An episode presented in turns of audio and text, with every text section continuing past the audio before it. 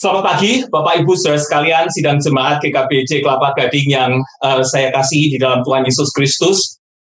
Pada pagi hari ini, saya bersyukur bahwa di tengah-tengah pandemi ini dan walaupun kita terpaksa masih beribadah melalui uh, online, saya bersyukur karena pada pagi hari ini kita bersama-sama boleh berbakti. Saya bersyukur karena melalui teknologi ini kita masih bersama-sama bisa beribadah kepada Tuhan, memuji, memuliakan nama Tuhan, dan mendengarkan firman Tuhan. Seperti yang uh, sudah diperkenalkan tadi, nama saya adalah Yuda Tianto. Saya Professor of Theology di Trinity Christian College di uh, Illinois di Amerika Serikat. Dan uh, sehubungan dengan itu, karena saya adalah profesor di sana, saya juga menyampaikan salam sejahtera dan salam kasih dari kampus saya di Illinois kepada seluruh sidang jemaat di GKPC Kelapa Gading pada pagi hari ini.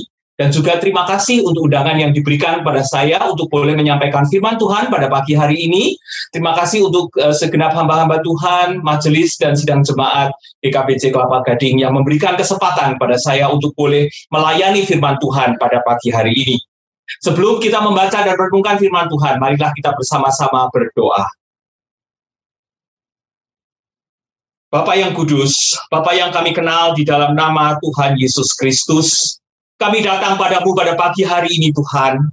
Kami datang dengan kerendahan hati, karena kami bersyukur Tuhan bahwa Engkau terus memeliharakan kami di tengah-tengah pandemi yang begitu sulit bagi kami, di tengah-tengah tantangan yang kami hadapi, baik secara pribadi, di dalam keluarga, di dalam perusahaan, di gereja, dan seluruh masyarakat di Indonesia.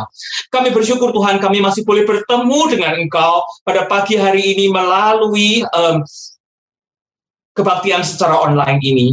Bapak kami berdoa, sebelum kami membaca dan mendengar, mendengar akan firman-Mu Tuhan, kami berdoa kiranya roh kudus sendiri yang hadir di tengah-tengah kami, kiranya roh kudus sendiri yang berbicara kepada kami, Allah roh kudus yang telah mewahyukan firman-Mu ke dalam Alkitab, kiranya Allah roh kudus juga yang berbicara kepada kami. Tuhan, tolong kami untuk mengerti firman-Mu, Ajarkan kepada kami untuk melakukan firman-Mu, supaya hidup kami boleh terus menjadi terang Kristus di tengah-tengah jemaat dan di tengah-tengah dunia ini.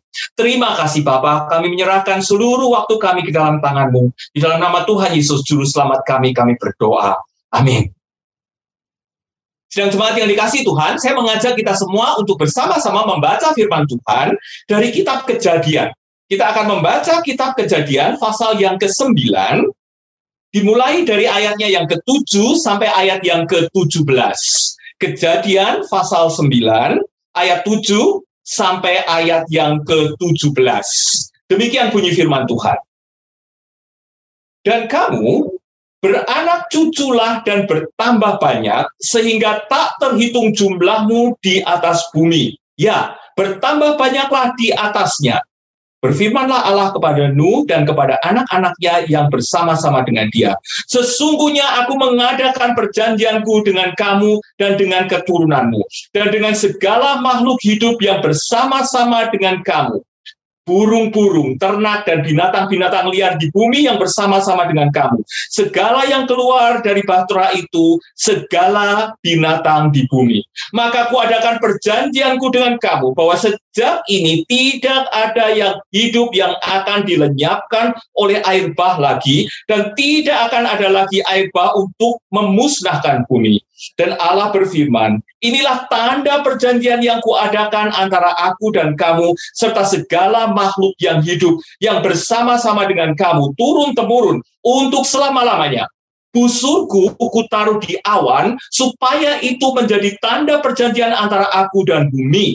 Apabila kemudian ku datangkan awan di atas bumi dan busur itu tampak di awan, maka aku akan mengingat perjanjianku yang telah ada antara aku dan kamu serta segala makhluk yang hidup, segala yang bernyawa, sehingga segenap air tidak lagi menjadi air bah untuk memusnahkan segala yang hidup. Jika busur itu ada di awan, maka aku akan melihatnya, sehingga aku mengingat perjanjianku yang kekal antara Allah dan segala makhluk yang hidup, segala makhluk yang ada di bumi. Berfirmanlah Allah kepada Nuh, itulah tanda perjanjian yang kuadakan antara aku dan segala makhluk yang ada di bumi. Sampai di sini pembacaan firman Tuhan, selamat dan berbahagialah kita yang mendengarkan dan melakukan firman Tuhan di dalam kehidupan kita. Haleluya. Sidang jemaat yang dikasih oleh Tuhan, tema khotbah pada pagi hari ini adalah true humility atau kerendahan hati yang sejati. Kerendahan hati yang sejati. Bapak Ibu Saudara sekalian yang dikasih Tuhan, saya mengajar di Trinity Christian College dan uh, Trinity Christian College ini um, uh, disebut sebagai residential school. Artinya adalah bahwa sebagian besar mahasiswa, terutama tingkat satu dan tingkat dua, itu diharuskan tinggal di asrama, tinggal di dorm, ya di dormitory. Nah, jadi ada asrama putra, ada asrama putri begitu, dan setiap building di setiap bangunan itu ada or, um, uh, um, full timer uh, uh, dari Trinity yang disebut sebagai resident director. Jadi direktur dari seluruh uh, building um, uh, di asrama itu. Nah, di dalam setiap lantai di uh, asrama itu biasanya ada empat lantai begitu. Di setiap lantai itu ada ditunjuk dua mahasiswa senior, sering kali adalah tingkat empat atau tingkat tiga begitu, yang disebut sebagai resident assistant. Jadi mereka itu eh, setengahnya bekerja untuk kampus. Tugas dari residence assistance ini atau RA singkatannya ya, tugas dari RA ini adalah untuk membantu mahasiswa, khususnya anak-anak tingkat satu dan tingkat dua, di dalam kehidupan mereka sehari-hari ketika mereka membutuhkan pertolongan, misalnya mereka sakit perlu ke dokter, RA ini akan mendampingi mereka uh, orang anak mahasiswa atau teman yang sakit ini untuk ke dokter, atau ada yang membutuhkan pertolongan yang lain, RA ini memberikan pertolongan. Dan juga tugas dari RE ini cukup berat yaitu menerapkan disiplin dari kehidupan kampus dan kehidupan di asrama. Sebab kehidupan di asrama harus ada aturannya dan aturan itu harus diikuti oleh semua mahasiswa. Jadi kita tahu bahwa tugas dari resident uh, assistant atau RA ini sangat berat. Seleksinya tidak mudah untuk uh, seorang mahasiswa senior untuk menjadi seorang RA. Mereka harus melewati uh, screening yang cukup panjang. Dan setelah mereka dipilih, mereka harus ikut training lagi yang cukup panjang juga. Di akhir training itu dilakukan beberapa tahun yang lalu, ini saya ceritakan beberapa tahun yang lalu, itu ada satu program yang saya sangat suka, yaitu bahwa ketika RA ini baru memulai tugas mereka, yaitu pada seminggu pertama di semester yang baru, seminggu pertama di semester yang baru, mereka itu harus membawa tulisan yang di, dilekatkan di dada dan di punggung mereka, lalu digantung dengan tali begitu, yang bertuliskan I am a servant. I am a servant. Aku adalah seorang pelayan. Nah, mereka uh, para RA ini harus memakai tulisan I am a servant di dada dan di punggung mereka itu seminggu penuh. Walaupun mereka ke kampus, ke kelas, ketika mereka belajar di perpustakaan, ketika mereka makan di dining hall, ketika mereka latihan paduan suara atau mengikuti berbagai macam kegiatan sepanjang minggu itu, mereka harus memakai tanda itu supaya mereka selalu ingat bahwa tugas mereka adalah melayani bahwa tugas mereka adalah melayani. Saya suka dengan program itu, ya. Dan ketika setelah berakhir, uh, diharapkan bahwa sepanjang tahun ajaran itu para RA yang bersedia untuk melayani uh, sesama teman-teman mereka itu terus dibentuk untuk rendah hati ya. Terus dibentuk untuk selalu mengerti. Walaupun kami sama-sama mahasiswa tapi tugasku di sini adalah untuk melayani Nah, eh, saya pernah bertanya dari salah satu mahasiswa saya yang RE itu yang uh, setelah selesai ya, setelah seminggu selesai mereka memakai tanda itu, kemudian uh, saya tanya, bagaimana pengalamanmu? Mahasiswa saya itu mengatakan, wah benar-benar loh, memakai tanda ini mengingatkan saya untuk terus rendah hati, mengingatkan saya untuk terus menyadari bahwa tugas saya di sini adalah melayani. Saya tidak boleh bosi. Walaupun saya punya kuasa ya untuk menegakkan uh, tata tertib, untuk menegakkan peraturan uh, di dorm itu, saya punya kuasa kata dia. Tetapi saya harus rendah hati. Saya harus selalu, selalu berpikir bahwa apa yang saya lakukan ini untuk melayani. Saya suka sekali. Saudara, ini adalah sebuah contoh bagaimana kita bisa belajar untuk rendah hati. Dan sering kali untuk menjadi rendah hati itu kita perlu diingatkan. Jadi tanda yang dipakai oleh para mahasiswa saya itu merupakan satu tanda untuk mengingat.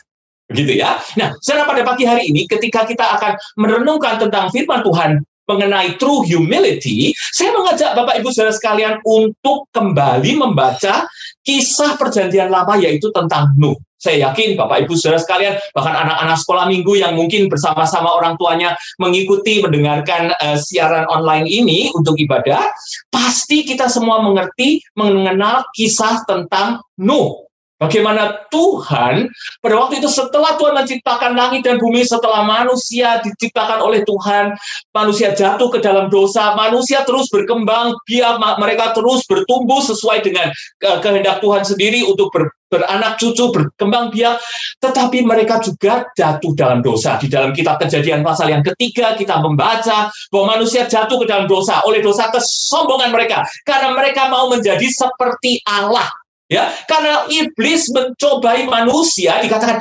kamu tidak akan mati. Kalau kamu makan buah pengetahuan yang baik dan yang jahat ini, kamu tidak akan mati, tapi kamu akan menjadi seperti Allah.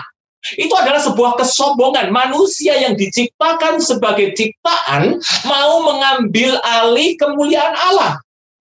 Di situlah manusia jatuh ke dalam dosa. Dan kita melihat bahwa dosa ini terus berkembang, terus berkembang, terus berkembang. Sehingga ketika kita membaca di dalam kejadian pasal yang keenam, Tuhan begitu murka. Tuhan begitu marah kepada dosa umat manusia. Sehingga Tuhan mengiringkan air bah untuk melenyapkan apa yang sudah Tuhan ciptakan sebelumnya ya tetapi kita melihat bahwa di dalam kemurkaan Allah ini ada juga kasihnya bahwa Tuhan memilih Nuh bersama dengan istrinya, ketiga anak mereka, dan juga ketiga menantunya ya, dan bersama-sama dengan binatang-binatang. Semua kita tahu cerita tentang air bah dan bahtera Nuh. Mereka bersama-sama diselamatkan oleh Tuhan. Nah, pembacaan firman Tuhan yang kita lakukan, ya kita uh, baca pada pagi hari ini, kejadian pasal yang ke-9 itu memberikan kepada kita akhir dari masa air bah tersebut. Setelah Nuh dan keluarganya dengan um, uh, anak dan menantunya ya uh, keluar dari Bahtera, setelah uh, bumi ini kering kembali, kemudian kita membaca bahwa Tuhan membuat perjanjian dengan Nuh dan anak-anak cucunya dan juga seluruh bumi ini. Tuhan mengatakan, aku membuat perjanjian antara engkau, seluruh keturunanmu, dan juga dengan seluruh binatang-binatang dan uh, yang ada um, uh, bersama-sama dengan engkau. Dan kita melihat di dalam perjanjian yang dibuat antara Tuhan dengan manusia ini, dengan Nuh dan keturunannya ini, Tuhan memberi sebuah tanda. Ya dikatakan Tuhan memberikan tanda bagi perjanjian itu. Tuhan mengatakan busurku aku taruh di awan. Yang kita tahu itu adalah pelangi ya kita kalau melihat busur uh, Tuhan yang ada di awan itu adalah pelangi dan Tuhan mengatakan setiap kali aku melihat busurku ini aku akan mengingat perjanjianku dengan engkau. Sudah, Ketika saya merenungkan tentang firman Tuhan ini, ketika saya merenungkan tentang pesan Tuhan, khususnya di dalam perjanjian yang diberikan oleh Tuhan dengan Nuh dan dengan seluruh umat manusia keturunan Nuh itu ya, saudara, kita melihat, saya melihat bahwa Tuhan di dalam kasihnya yang begitu luar biasa bersedia untuk turun ke kepada derajat manusia Saudara, perjanjian atau covenant di dalam bahasa Inggris ya, di dalam uh, um, Alkitab, covenant itu adalah sebuah ikatan yang begitu kuat. Dalam hal ini antara Tuhan dengan manusia, antara Allah dengan umatnya, sebuah ikatan yang sebegitu kuat, di mana Tuhan bersedia melekatkan dirinya dengan manusia, sehingga mereka tidak lagi terpisahkan.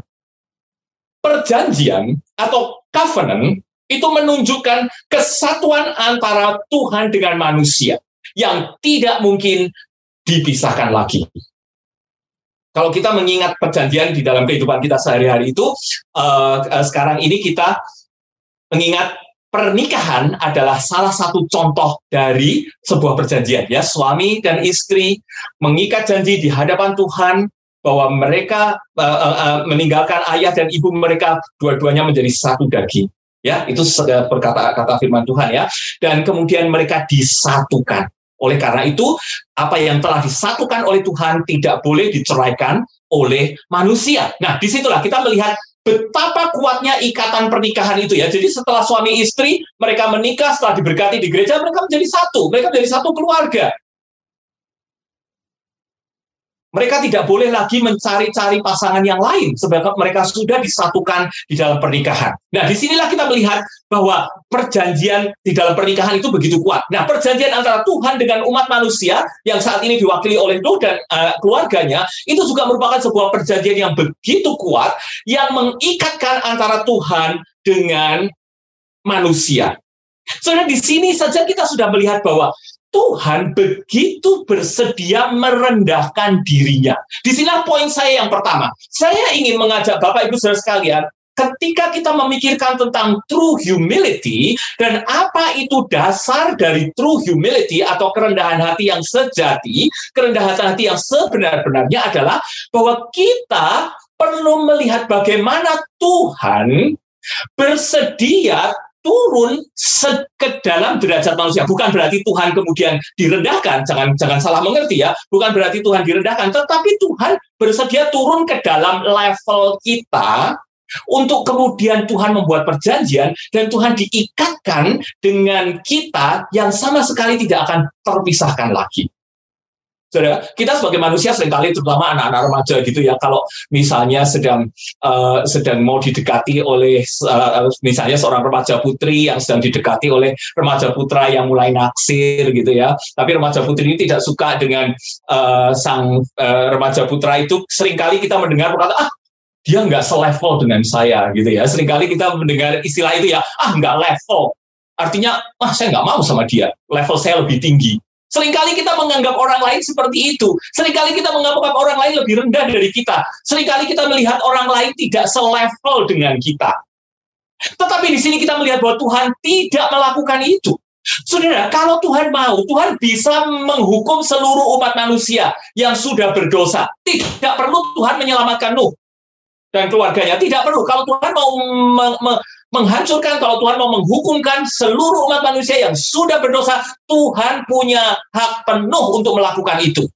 Tuhan punya hak penuh untuk menghukum semua umat manusia yang berdosa. Tetapi di dalam kitab kejadian yang kita baca pada pagi hari ini, kita melihat kasih Tuhan yang begitu bersedia dan rela untuk turun ke dalam level manusia, membuat sebuah perjanjian yang berjanji bahwa dia tidak akan lagi menghapuskan umat manusia ini melalui air bah dan um, kehidupan di muka bumi ini akan terus menerus berjalan sesuai dengan uh, rencana dan kehendak Tuhan. Di situ kita melihat Tuhan bersedia merendahkan dirinya untuk turun ke dalam level manusia supaya manusia boleh mendapatkan kehidupan yang baru. Ketika kita melihat apa yang Tuhan uh, lakukan setelah air bah ini, Tuhan seolah-olah seperti menciptakan lagi apa yang sudah diciptakan di kejadian pasal yang pertama. Atau recreate bahasa Inggrisnya ya, bukan create dari hal yang baru, tapi recreate, menciptakan kembali apa yang sudah Tuhan ciptakan di kejadian pasal yang pertama. Saudara, kalau kita pikirkan, apakah Tuhan pernah lupa? Tidak, Tuhan tidak pernah lupa. Kita manusia adalah orang-orang yang sering lupa dari hal-hal yang besar sampai hal-hal yang kecil. Kita sering kali lupa. Saya di kampus ketika saya mengajar mahasiswa saya, saya memberikan mereka PR, sering kali mereka itu terlalu sibuk, baik latihan basket ataupun latihan drama, latihan paduan suara, kemudian berjalan-jalan bersama dengan teman-teman mereka. Mereka lupa kalau besoknya ada PR, ada paper yang harus dikumpulkan. Nah, ketika saya bertanya kepada mereka, mereka alasannya itu muter-muter ke sana kemari, selalu mencari alasan ini itu sibuk, banyak kerjaan dan sebagainya dan sebagainya. Padahal pada dasarnya mereka itu lupa. Tetapi mereka tidak mau mengakui bahwa mereka lupa. Nah, saya di sini ketika kita melihat kejadian pasal yang ke-9 ayat 14, 15 dan ayat yang ke-16 di mana dua kali diulang Tuhan mengatakan ketika aku melihat busurku aku akan mengingat perjanjianku dengan kau, dengan seluruh umat manusia. Di sini kita melihat bahwa Tuhan merendahkan hatinya turun ke dalam level manusia. Yang lupa itu adalah manusia. Yang lupa itu adalah kita yang tidak memegang janji kita kepada Tuhan. Kita yang tidak memegang firman Tuhan. Kita yang lupa. Tetapi Tuhan tidak mempersalahkan kita. Justru Tuhan mengatakan ketika aku melihat musuhku, aku akan mengingat. Di sini kita melihat kerendahan hati Tuhan. Tuhan bersedia untuk turun ke dalam level kita supaya perjanjian dengan perjanjian antara kita dengan Tuhan itu boleh dilakukan sehingga kita boleh dipersatukan dengan Tuhan di dalam perjanjiannya. Jadi di sinilah kita melihat prinsip dasar dari true humility. Kita belajar dari sifat Tuhan sendiri. Kita belajar bagaimana Tuhan bersedia mengakomodasikan dirinya sendiri untuk kemudian turun ke dalam level manusia. Supaya kita paham, supaya kita mengerti bahwa Tuhan mengasihi kita dan Tuhan membuat perjanjiannya dengan kita. Saudara, tadi saya, saya sudah katakan, dosa manusia itu adalah karena kesombongan iblis mencobai manusia dengan mengatakan, kamu akan menjadi seperti pride dalam bahasa Inggrisnya ya. Pride uh, itu adalah dosa di di dalam sejarah gereja itu sering uh, uh, kita belajar ada yang namanya the seven deadly sins ya. Tujuh, ada tujuh dosa yang membawa maut. Sebetulnya semua dosa membawa maut. Kalau di, di mau di, uh, dikait-kaitkan tujuh dosa yang membawa maut itu semua semua dosa bisa uh, disarikan ke sana. Tapi dari tujuh dosa ini menurut kata Agustinus Bapak Gereja pada abad keempat uh, uh, Masehi uh, awal abad kelima uh, Agustinus mengatakan pride atau kesombongan itu adalah the mother of all sins. Pride atau kesombongan itu adalah the mother of all sins. Sebab kita bisa melihat bahwa semua dosa itu berakar pada kesombongan. Kesombongan bahwa manusia mau menjadi seperti Allah. Manusia menempatkan diri mereka lebih tinggi dari siapa mereka. Itu adalah pride. Jadi pride adalah the exact opposite of humility of humbleness ya kerendahan hati kesombongan adalah um, um, kesombongan adalah lawan kata uh, the exact opposite of kerendahan hati jadi di sini kita melihat bahwa humility itu adalah kesediaan untuk meninggalkan atau tidak memakai hak yang kita miliki untuk kemudian kita pakai untuk kebaikan orang lain. Di dalam kerendahan hati kita tidak berpegang pada hak yang kita miliki atau semua yang kita miliki lalu kita menyombongkan diri. Tidak. Kerendahan hati adalah kesediaan untuk meninggalkan semua itu untuk melakukan hal yang terbaik untuk orang lain. Di sini kita melihat bahwa Tuhan tidak berpegang teguh kepada kemuliaannya, tidak berpegang teguh pada kuasanya, tetapi Tuhan bersedia melepaskan itu untuk sementara. Lalu menunjukkan kerendahan hatinya kepada manusia supaya manusia bisa kembali kepada Tuhan dan disatukan di dalam covenant bersama-sama dengan Ya, sudah di situ kita melihat dasar dari true humility adalah Tuhan sendiri yang merendahkan hatinya untuk bersedia membuat perjanjian dengan umat manusia.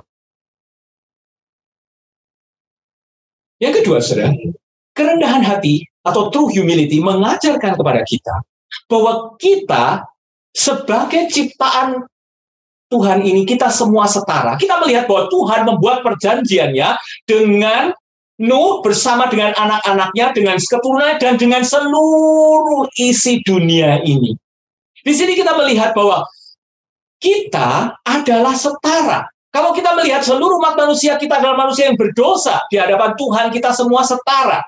Dan kita bisa mendapatkan perjanjian dengan Tuhan, kita diangkat kembali seperti Nuh yang diangkat oleh Tuhan ya dari semua orang-orang yang hidup pada zamannya. Nuh diangkat, dipilih oleh Tuhan, diselamatkan oleh Tuhan melalui bahtera itu di dalam kisah yang begitu luar biasa untuk kemudian Nuh bisa menjadi anak-anak um, Tuhan untuk bisa mendapatkan perjanjian dengan Tuhan. Ya, jadi di situ kita melihat Nuh dan anak-anaknya dan seluruh binatang yang uh, diselamatkan itu setara. Jadi di sini kita juga melihat, kita belajar bahwa kerendahan hati itu adalah bahwa kita semua setara. Di hadapan Tuhan tidak ada satu manusia pun yang lebih tinggi, kita tahu ya. Tidak ada satu manusia pun yang bisa menyombongkan diri mereka sendiri. Kita semua setara. Oleh karena itu ketika dan setelah kita mengenal bagaimana Tuhan begitu uh, merendahkan hatinya untuk kita, kita diajar untuk melihat sesama kita manusia sebagai sesama umat ciptaan Tuhan. Sehingga kita bisa melayani dengan rendah hati. Dan sehingga kita melayani hidup bersama-sama di dalam masyarakat dengan true humility. Saudara sekalian yang dikasih Tuhan, pada masa pandemi seperti ini, di sinilah kita dituntut untuk lebih lagi memiliki kerendahan hati, untuk memiliki true humility. Yang pertama, karena kita melihat bahwa semua kita bisa terpapar COVID. Tidak peduli apakah kita kaya atau miskin ya, apakah kita uh, berpangkat atau tidak berpangkat, apakah kita laki-laki atau perempuan berpendidikan atau tidak berpendidikan, kita semua bisa terpapar COVID. Oleh karena itu kita harus berhati-hati pakai masker ke mana pun kita pergi social distancing, cuci tangan setiap kali kita uh, uh, sudah selesai melakukan sesuatu atau kalau terpaksa harus keluar kembali ke rumah cuci tangan, datang ke suatu tempat cuci tangan. Social distancing menjaga supaya kita tidak menularkan dan tidak ketularan COVID atau penyakit-penyakit yang lain. Sudah, COVID ini mengajarkan kepada kita untuk kita melihat bahwa kita itu semua umat manusia itu sama, setara. Dan oleh karena itu, ketika kita melihat sesama kita, ketika kita melihat orang lain, kita diajarkan untuk selalu memelihara true humility ini. Bagaimana kita bisa memelihara true humility? Di tengah-tengah COVID pandemi ini, yang pertama yang bisa kita lakukan adalah ketika kita tahu ada teman kita yang membutuhkan pertolongan, sebisa mungkin kita memberikan pertolongan.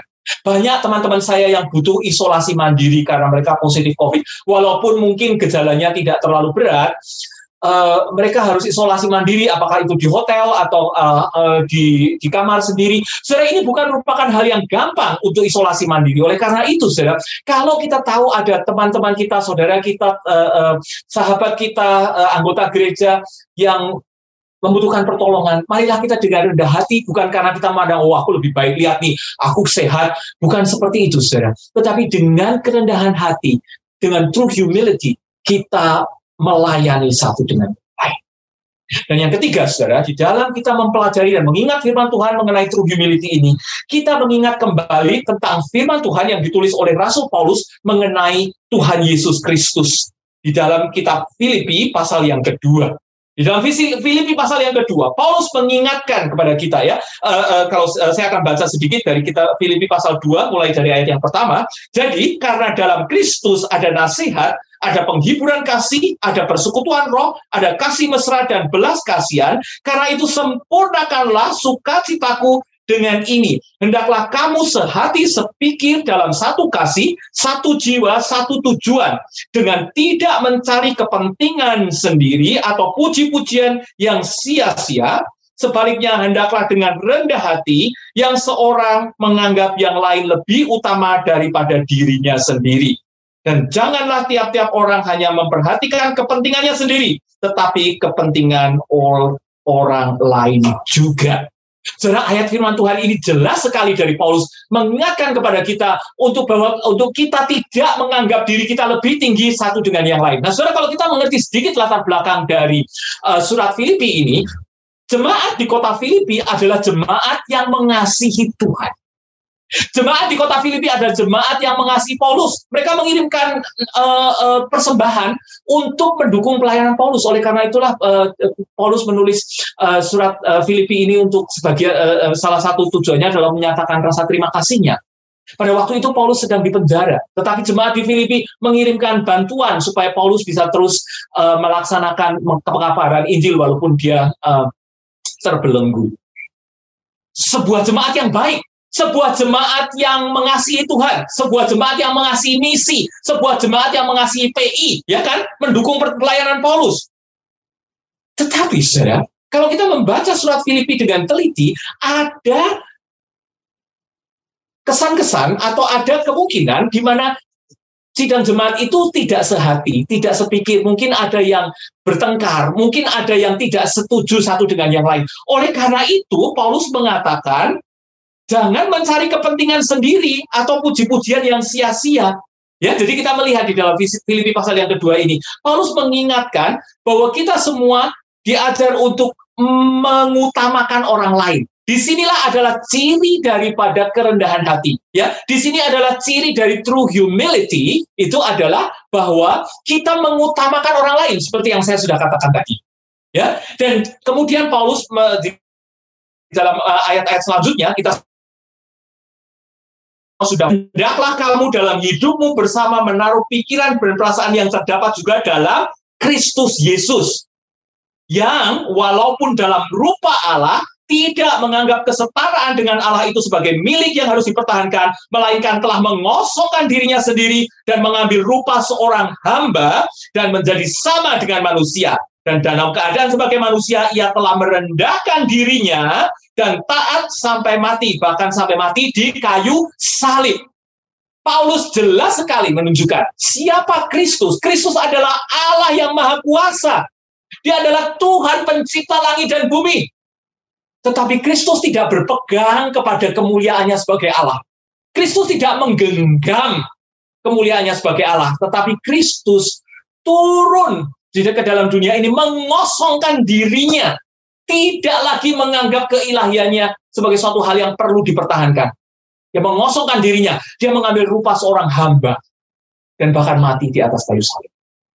Saudara, kalau kita melihat apa yang ditulis oleh Paulus di dalam Filipi pasal 2 ini, sesuai dengan apa yang kita pelajari dari kejadian pasal yang ke-9 tentang bagaimana Tuhan Allah membuat perjanjian dengan Nuh, bukan? Ya, tentu saja sesuai. Karena apa? Karena Kristus adalah Allah sendiri yang datang ke dalam dunia ini. Tentu saja sesuai.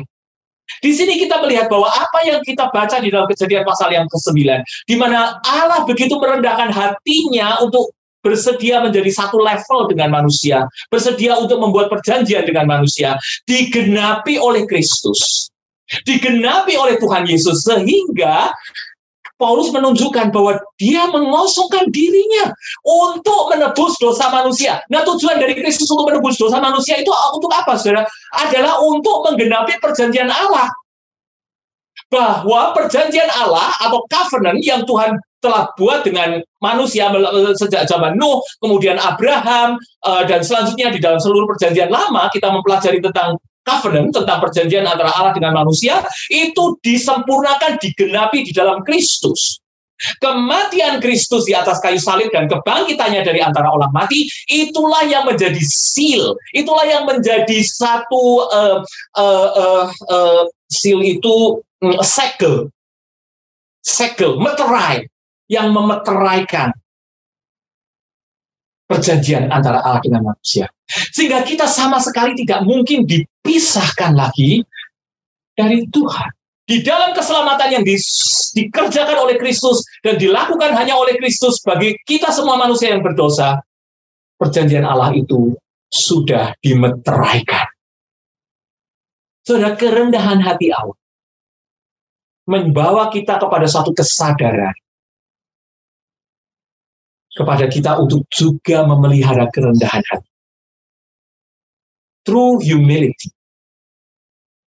True humility. Kerendahan hati berarti bersedia meninggalkan pangkat atau jabatan. Mungkin kita sebagai bos atau pemimpin, ketika kita melakukan kesalahan, apakah kita bersedia meminta maaf kepada anak buah kita? Maaf aku telah melakukan kesalahan. Itu sebuah humility, saudara.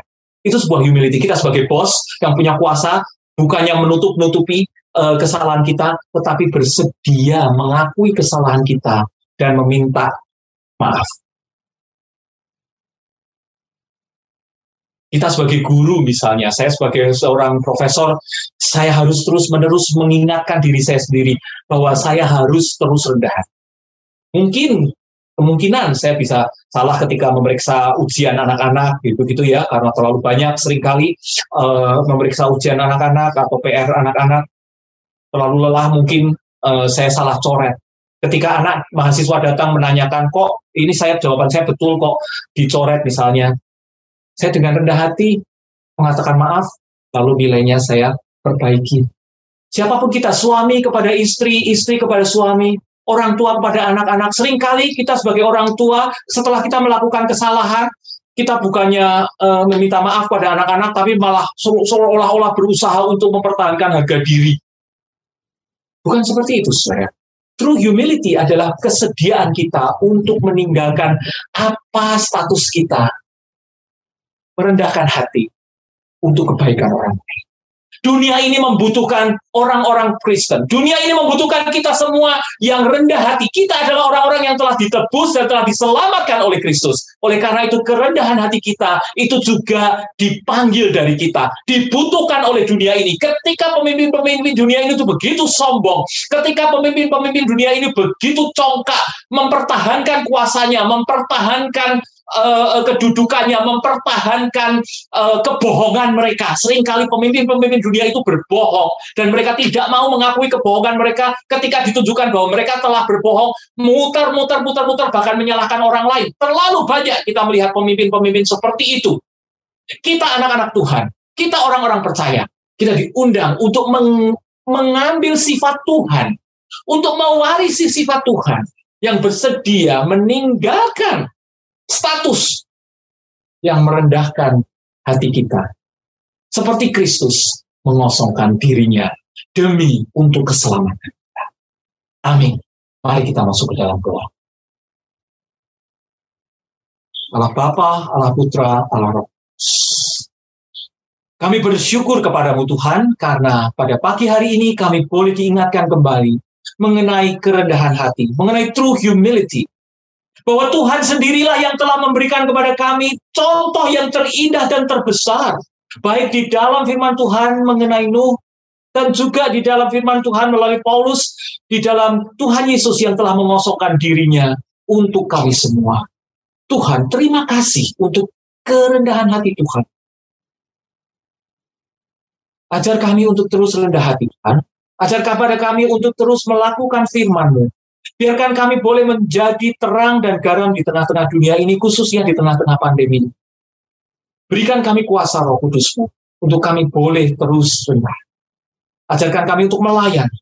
Tuhan kami berdoa untuk seluruh sidang jemaat di GKBJ Kelapa Gading ini Tuhan. Untuk seluruh hamba-hamba Tuhan, para majelis, para pelayan Tuhan.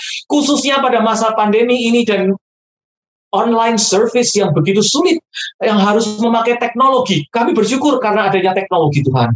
Tetapi kami terus berdoa agar kiranya Tuhan juga yang menguatkan para hamba-hamba Tuhan dan juga seluruh sidang jemaat untuk boleh terus berpegang teguh kepadamu dan untuk boleh terus melayani Tuhan dengan apa yang kami bisa supaya kami boleh terus disatukan dengan Tuhan dan memuliakan Tuhan.